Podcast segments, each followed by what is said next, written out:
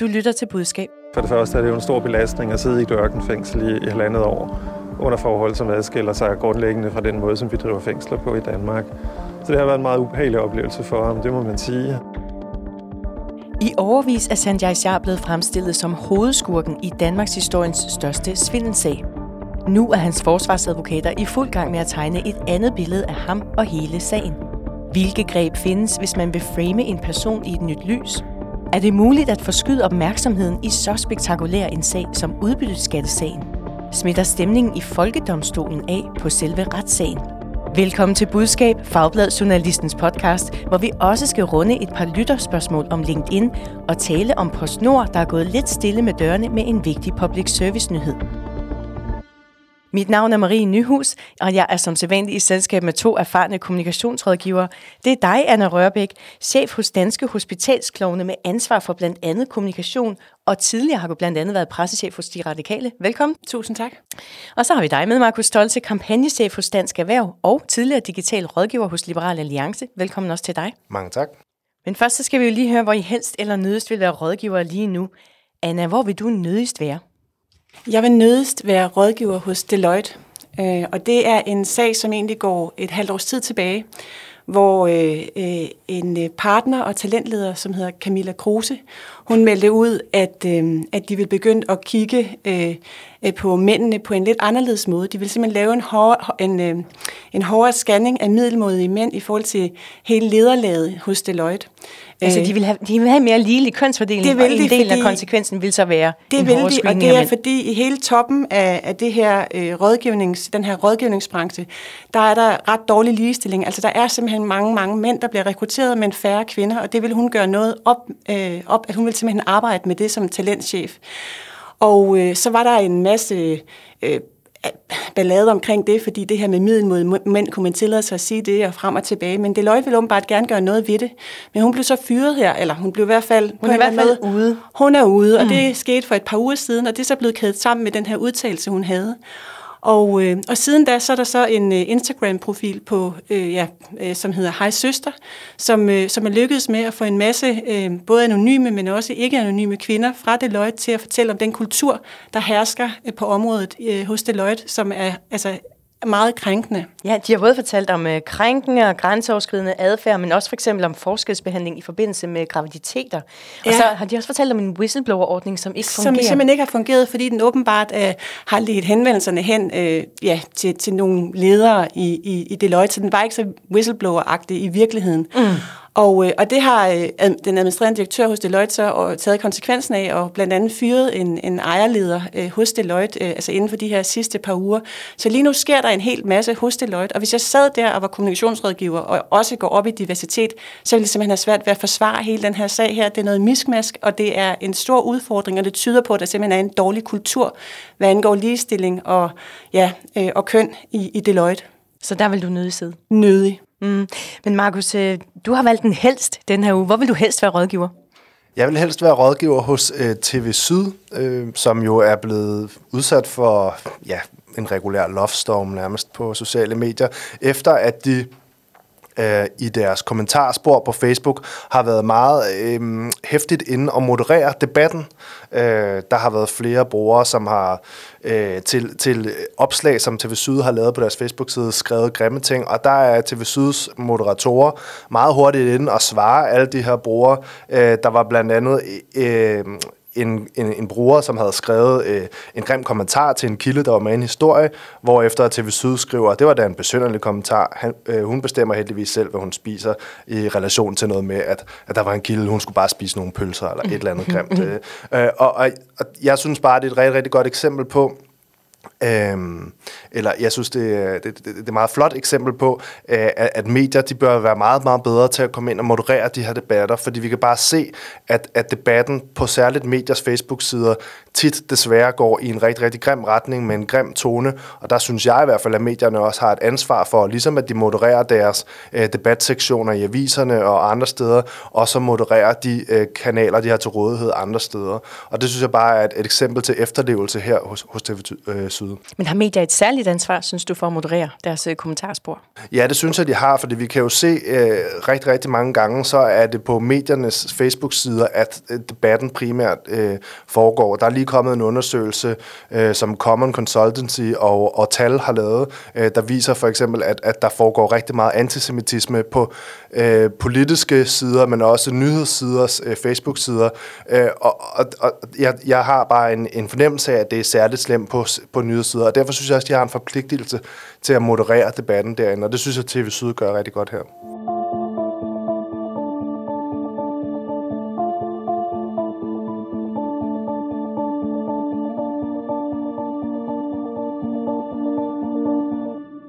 Anna og Markus, nu skal I svare ja eller nej. Spiller mediedækning af en retssag ind på, hvordan sagen bliver behandlet og falder ud? Ja. Mm, jeg hælder til at sige nej. Du hælder til nej. I sidste uge kom en stor nyhed om Danmarks historiens største svindelsag. Sanjay Shah er på vej til Danmark. Den hovedmistænkte i sagen om formodet svindel med udbytteskat for ca. 9 milliarder kommer nu endelig for en dansk domstol.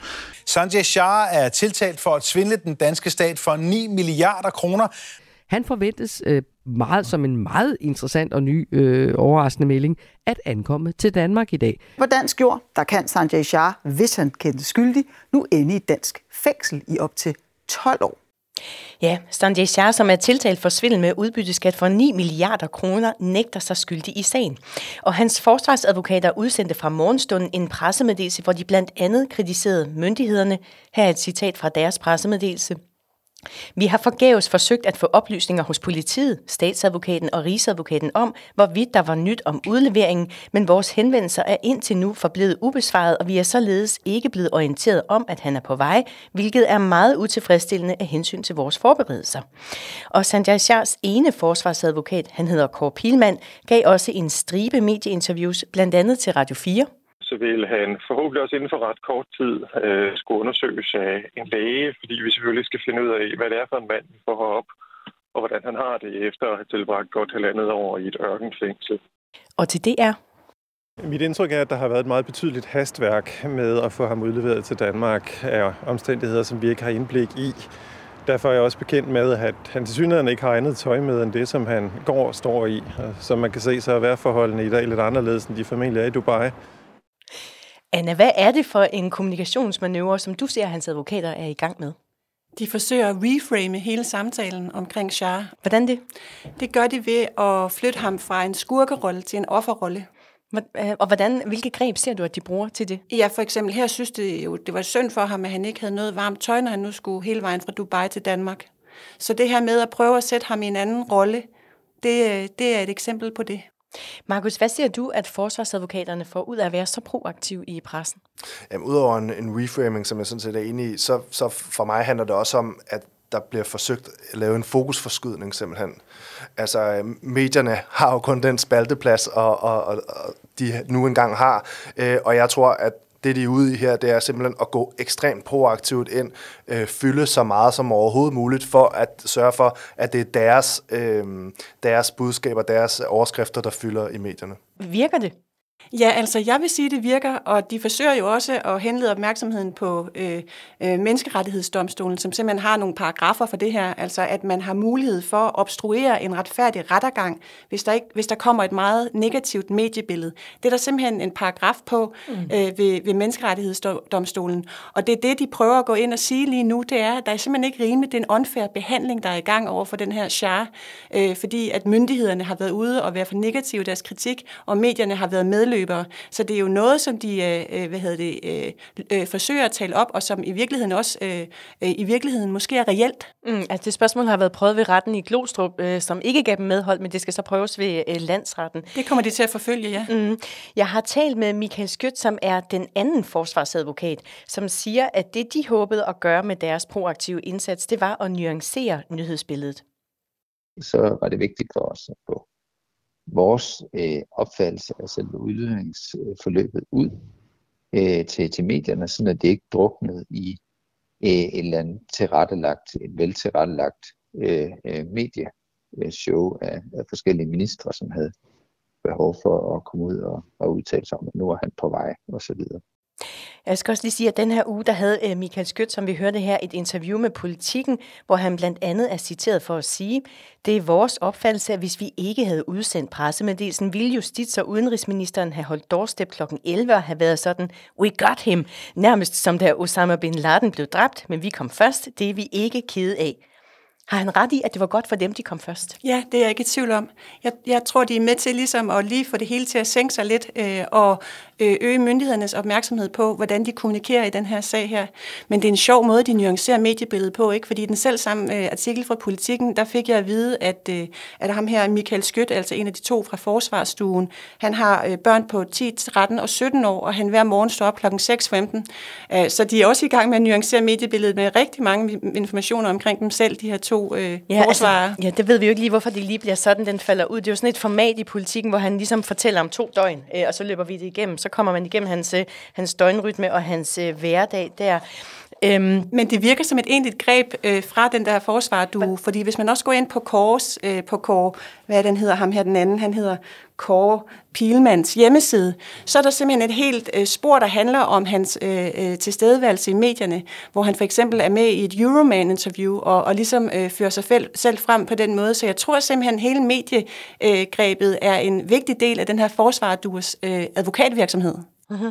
Ja, jeg, jeg læste jo også det uh, interview på Human, som, som var ret uh, interessant på mange måder. Men, men jeg synes jo faktisk også i, i det interview, som du har lavet med ham her, hvor der bekræfter han lidt min pointe i forhold til den her uh, fokusforskydning. Altså, de vil jo gerne ind og fylde med deres dagsorden, fordi når de fylder, så er der noget andet, der må fylde mindre. Der må vige, ja. Mm. Og, og, og det, det, det, det hører jeg ham på en eller anden måde i virkeligheden lidt bekræfte her, øh, så det synes jeg var ret interessant. Mm. Vi skal også have med, at Michael Skjødt siger i interviewet med Politiken, at forsvarsadvokaterne fik at vide, at det var Rigsadvokaten, som havde bestemt, hvornår de skulle have besked om øh, Sanjay Shahs udlevering. Altså det her, de er utilfredse med, at de fik besked så sent, som de gjorde. Og der siger han i Politiken, min egen teori er, at justitsministeren ville holde det der doorstep og fortælle, at han var på vej. Rigsadvokaten er jo også tidligere blevet kritiseret for at være lige lovligt følgeagtig at parere ordre, når ordren kommer fra Justits- eller Udenrigsministeriet. Her lufter han jo sådan set en mistanke til Rigsadvokaten. Øh, hvad, hvad tænker I om det? Er det færre kommunikation? Altså, øh, for mig at se, er han med til at undergrave de institutioner, som demokratiet de er baseret på. Altså, øh, den, øh, altså øh, magtens tredeling med den lovgivende, den dømmende og den udøvende kraft.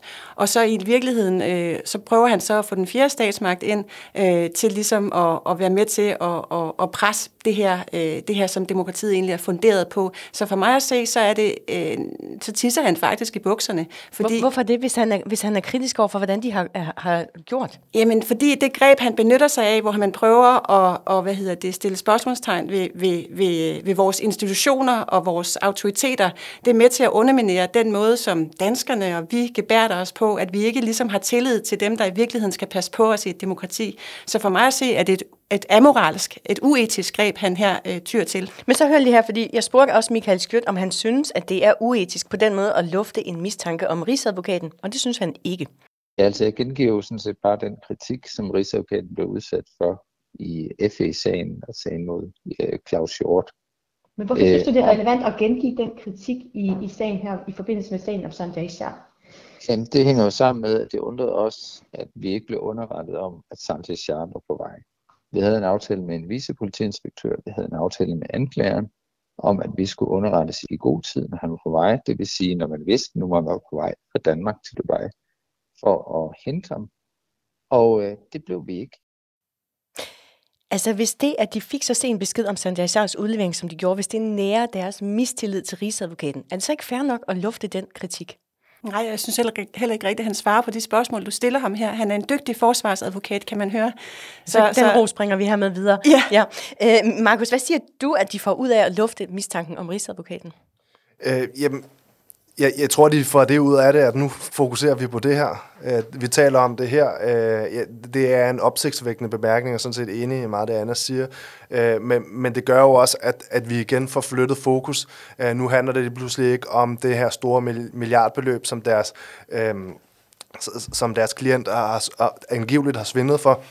Men nu handler det om Rigsadvokaten øh, i stedet for. Så de er ret gode til, synes jeg, hele tiden at få flyttet fokus øh, væk fra det, som sagen endelig handler om, og over på noget andet. Da jeg var hos Gilmejden Kisse, der var der en af vores rådgivere derinde, der altid brugte det der greb der. Han sagde, hvis alle taler om en elefant, om en elefant, så begynder at tale om en tiger. Tal om dens striber. Tal om, hvordan den er sort og gul. Tal om, hvordan dens pels føles, og hvad den godt kan lide at spise til morgenmad. På den måde, så ved det, er det et greb, man bruger i, i, på mange arenaer, og også her. Jeg skal lige høre til sidst, Anna, du sagde, at kommunikation uden for retssalen godt kan påvirke sagens gang inde i retssalen. Har forsvarsadvokaternes kommunikation her i sagen om Sanjay Shah så fremmet hans sag? Ja, det tror jeg, den har.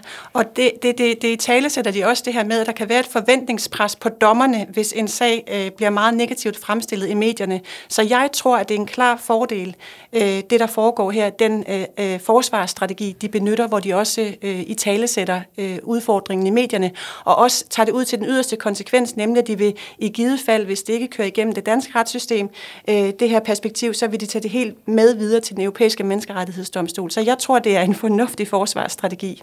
Markus, du var mere tøvende over for, om, øh, om øh, kommunikationen uden for retssalen spiller ind i selve retssalen. Hvilken rolle ser du, at deres kommunikation her har spillet i forhold til deres øh, klients sag? Altså, jeg synes jo, hvis man ser det ensidigt fra, fra, fra deres side og fra klientens side, så synes jeg jo faktisk, de gør mange gode ting. Øh, men jeg må så også sige, at jeg tror lige præcis den her sag, den er i, i danskernes bevidsthed og i folkedomstolen så gigantisk stor, at selv den bedste kommunikation får svært ved at hamle op mod den dom, som, som folkedomstolen allerede har afsagt, netop at, at den her mand er skyldig. Altså det er han i rigtig mange danskers optik. Altså han, næg, han nægter sig skyldig, skal jeg lige understrege her. Ja. Det, mm. det, det er jeg med på, men, men, men den har fyldt rigtig meget, den her sag. Øh, og, og, og, og der tror jeg simpelthen, at selv med den bedste kommunikation, der får de svært ved at ændre på det, øh, det, den opfattelse, som der hersker ude i befolkningen.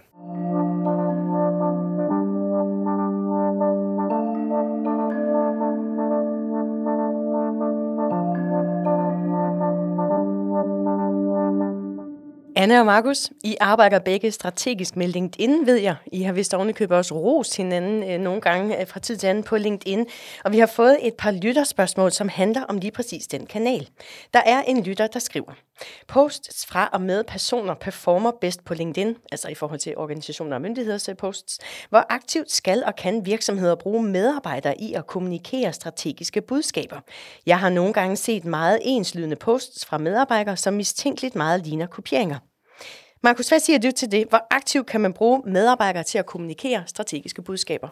Jeg synes, man skal bruge sine medarbejdere aktivt, hvis de har lyst. Altså, det er meget vigtigt for mig, i hvert fald når jeg taler med folk inde øh, i Dansk Erhverv, hvor jeg arbejder, Altså, at så siger jeg, jeg vil gerne rigtig gerne opfordre jer til at bruge det, fordi det er vigtigt. Øh, det er vigtigt til at nå ud til vores interessenter og til at lave god kommunikation. Der er LinkedIn en perfekt platform til det.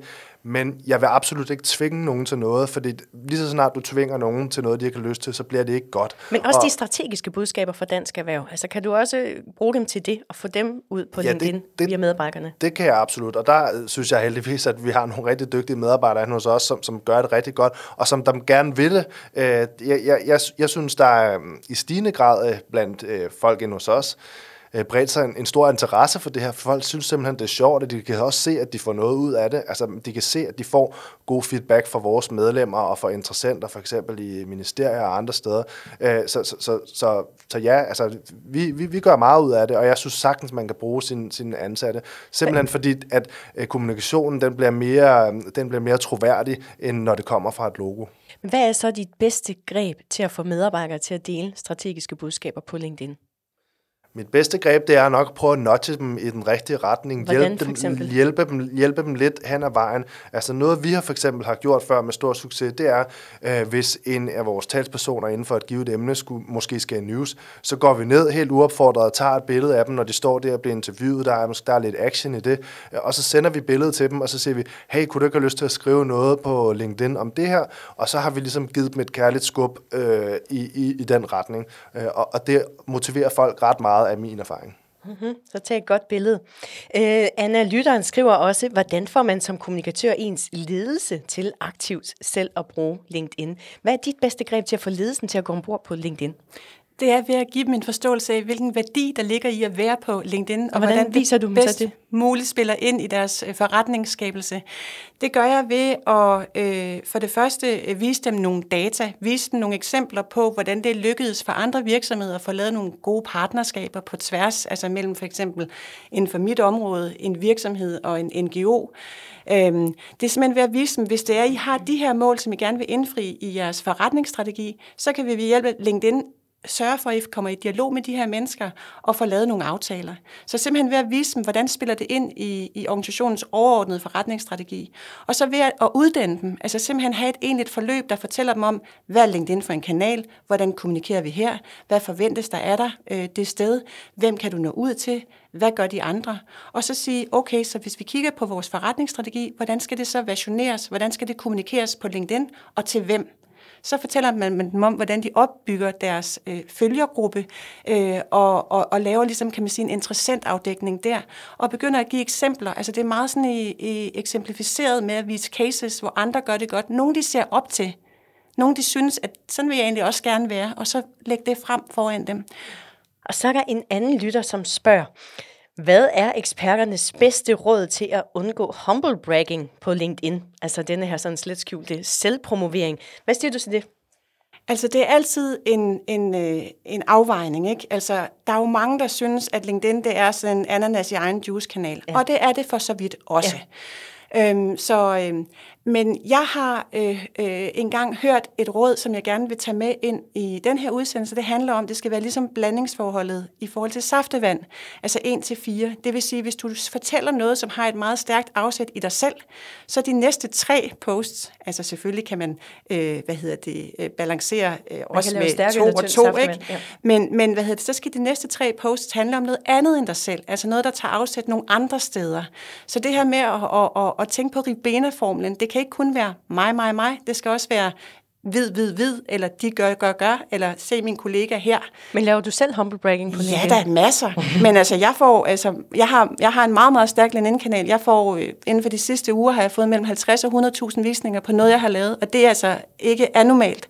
Så ja, jeg gør det, øh, og det gør jeg, fordi jeg udleverer mig selv også nogle gange, og stiller spørgsmål, og inddrager og gør mig sårbar, øh, og har fået et lille brand der, som jeg opbyggede, da jeg var selvstændig konsulent. Så ja, der er nogen, der synes, jeg humble bragger, og så må det jo være sådan, sådan. Det lever du med? Det gør jeg. Altså, jeg vil vende om at sige, at jeg synes ikke, man skal være så bange for at bragge en lille smule. Uh, det er synes jeg desværre sådan en meget dansk ting, det her med, at, at vi ser ned på dem, som der øh, skriver om sig selv, og som skriver om noget fedt, de har opnået i deres karriere. Mm. Lad os dog i stedet for hylde dem, som der gør noget godt, øh, og som der har noget at dele ud af fra, fra sin egen hverdag. Det, det synes jeg bare, vi skal hylde. Så i stedet for at skrive stolt og ydmyg, så skal man bare skrive stolt? Ja. Ja, okay. Og så husk sin formel, ikke? Ribena saftens 1-4 blandingsforholdet.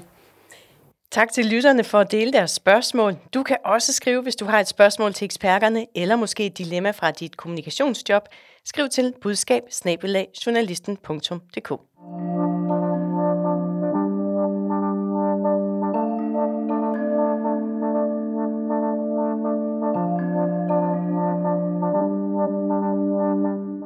Vi skal tale om en nyhed fra PostNord, som de gik ud med i en pressemeddelelse for et par uger siden. I medierne blev det til denne her historie. Fra 1. januar der kan det blive op til dobbelt så dyrt at sende et brev i Danmark. Det oplyser PostNord i en pressemeddelelse, efter at et flertal i Folketinget i dag har vedtaget en ny postlov. Men mens der var mange mediehistorier om stigningen i portopriser, så knep det med mediernes opmærksomhed på en anden nyhed, der også står i pressemeddelelsen.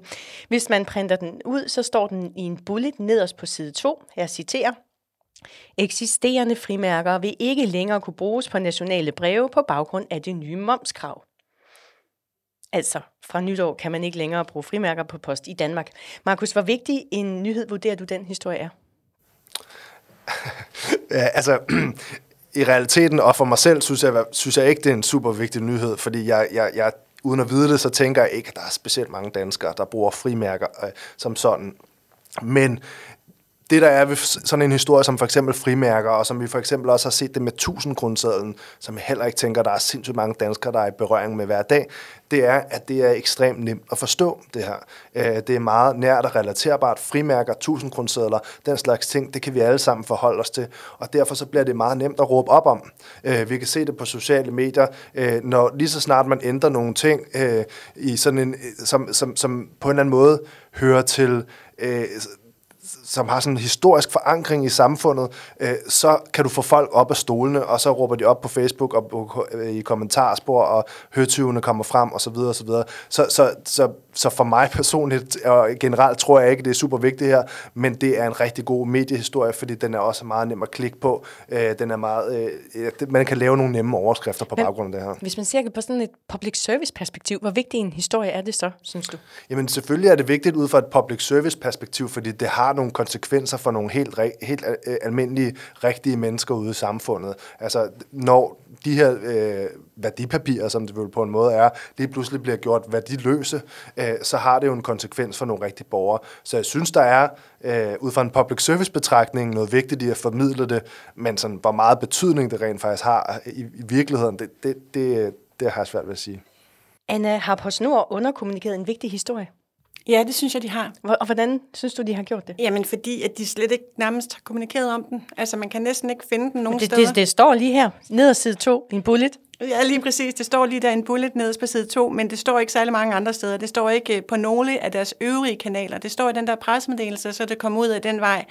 Øhm, men for mig at se, så er det et symptom på et dårligt arbejdsforhold mellem PostNord og deres minister.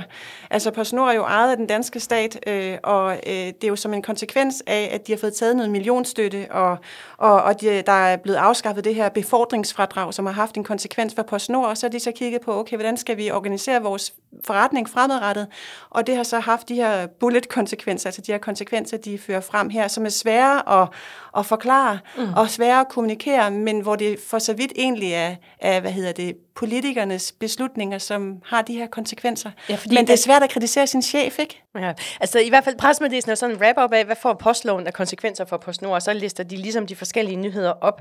Øh, og denne her frimærkehistorie, den blev så at sige opdaget en uges tid senere. Et af de medier, der tog sagen om øh, fremtidigt ubrugelige frimærker op af Ekstrabladet, de har blandt andet øh, talt med en selvstændig, der har frimærker liggende for 200.000 kroner. Han var stærkt utilfreds. Lolland Falsters Folketidene har talt med formanden for Vestlollands Frimærkeklub, som kaldte det svindel og bedrag. Øhm, og der er også flere medier, der har talt med transportminister Thomas Danielsen, som undrer sig over PostNords udmelding. Han har blandt andet udtalt til DR, at det vil være god stil af PostNord, hvis de kompenserer, så man kan indløse sine frimærker igen. Og så skal jeg lige disclaime, at PostNord øh, onsdag aften gik ud med en nyhed om, at Skatteministeriet ifølge dem har bekræftet dem i, at frimærker fra næste år ikke kan bruges til brev i Danmark, og det er en konsekvens af, at de skal pålægges øh, moms. Men Markus, hvad ligger du i, at transportministeren, som jo også er postens minister, egentlig kritiserer beslutningen fra PostNord?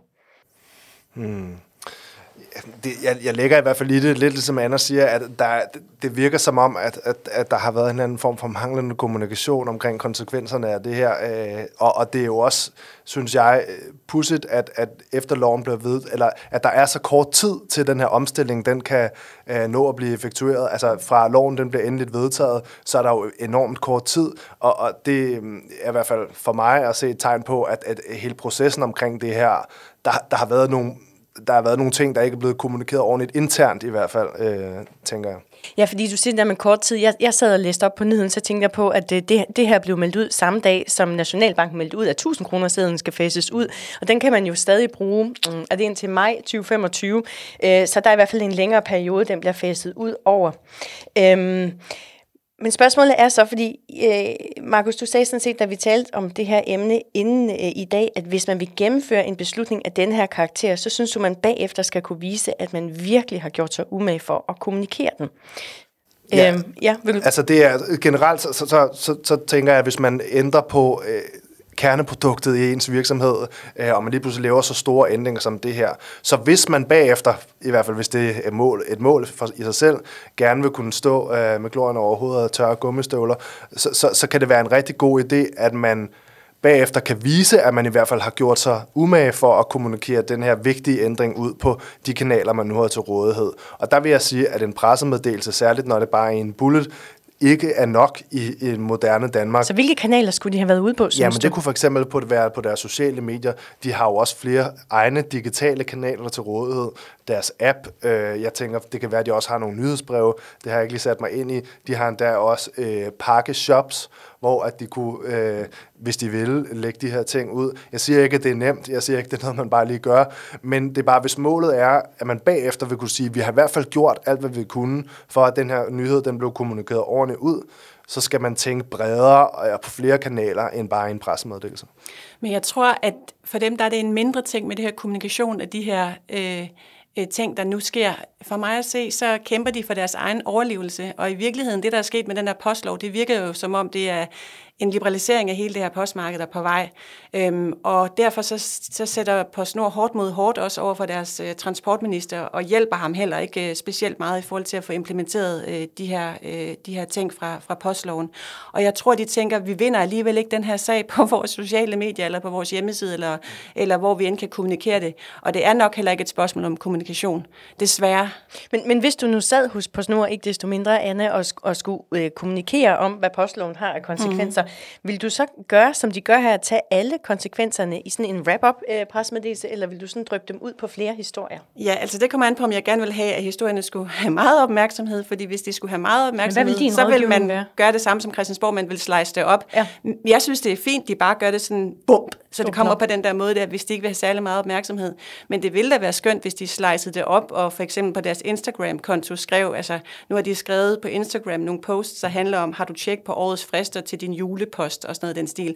Så kunne man jo lave et tilsvarende post på Instagram, der hed, ved du, at vi får nye frimærker efter nytår, og de gamle udgår, eller sådan noget den stil. Altså det havde jo været rigtig fint, hvis det var det, det handlede om, men desværre så handler det jo nok i virkeligheden bare om, øh, at PostNord øh, er, er, ved, er ved at dø. Ja, det har vi ikke kunne spørge PostNord om, men, det, men de skriver i hvert fald, at, det, at det brev øh, over tid ikke skal være en øh, central del af deres kerneforretning. Jeg har spurgt PostNord om en kommentar til deres kommunikation i sagen, og de er ikke vendt tilbage inden vores deadline. Anna Rørbæk og Markus Stolse, tak for at være med i Budskab i dag. Selv tak. tak. Du lyttede til Budskab, Fagbladet Journalistens podcast om kommunikation. Mit navn er Marie Nyhus, og jeg er redaktør og vært på Budskab. Rakkerpark Productions står for lyd og teknik. Tak til Karen Marie Bumholdt Ries for at styre knapperne og alt muligt andet i studiet i dag. Du hører et klip fra DR, TV2, P1 og Radio 4. Husk, at du altid kan skrive til os, hvis du har input eller idéer. Skriv til budskab Hvis du kan lide at lytte til budskab, så giv meget gerne podcasten en anbefaling eller fortæl om den til en ven. Tak fordi du lyttede med.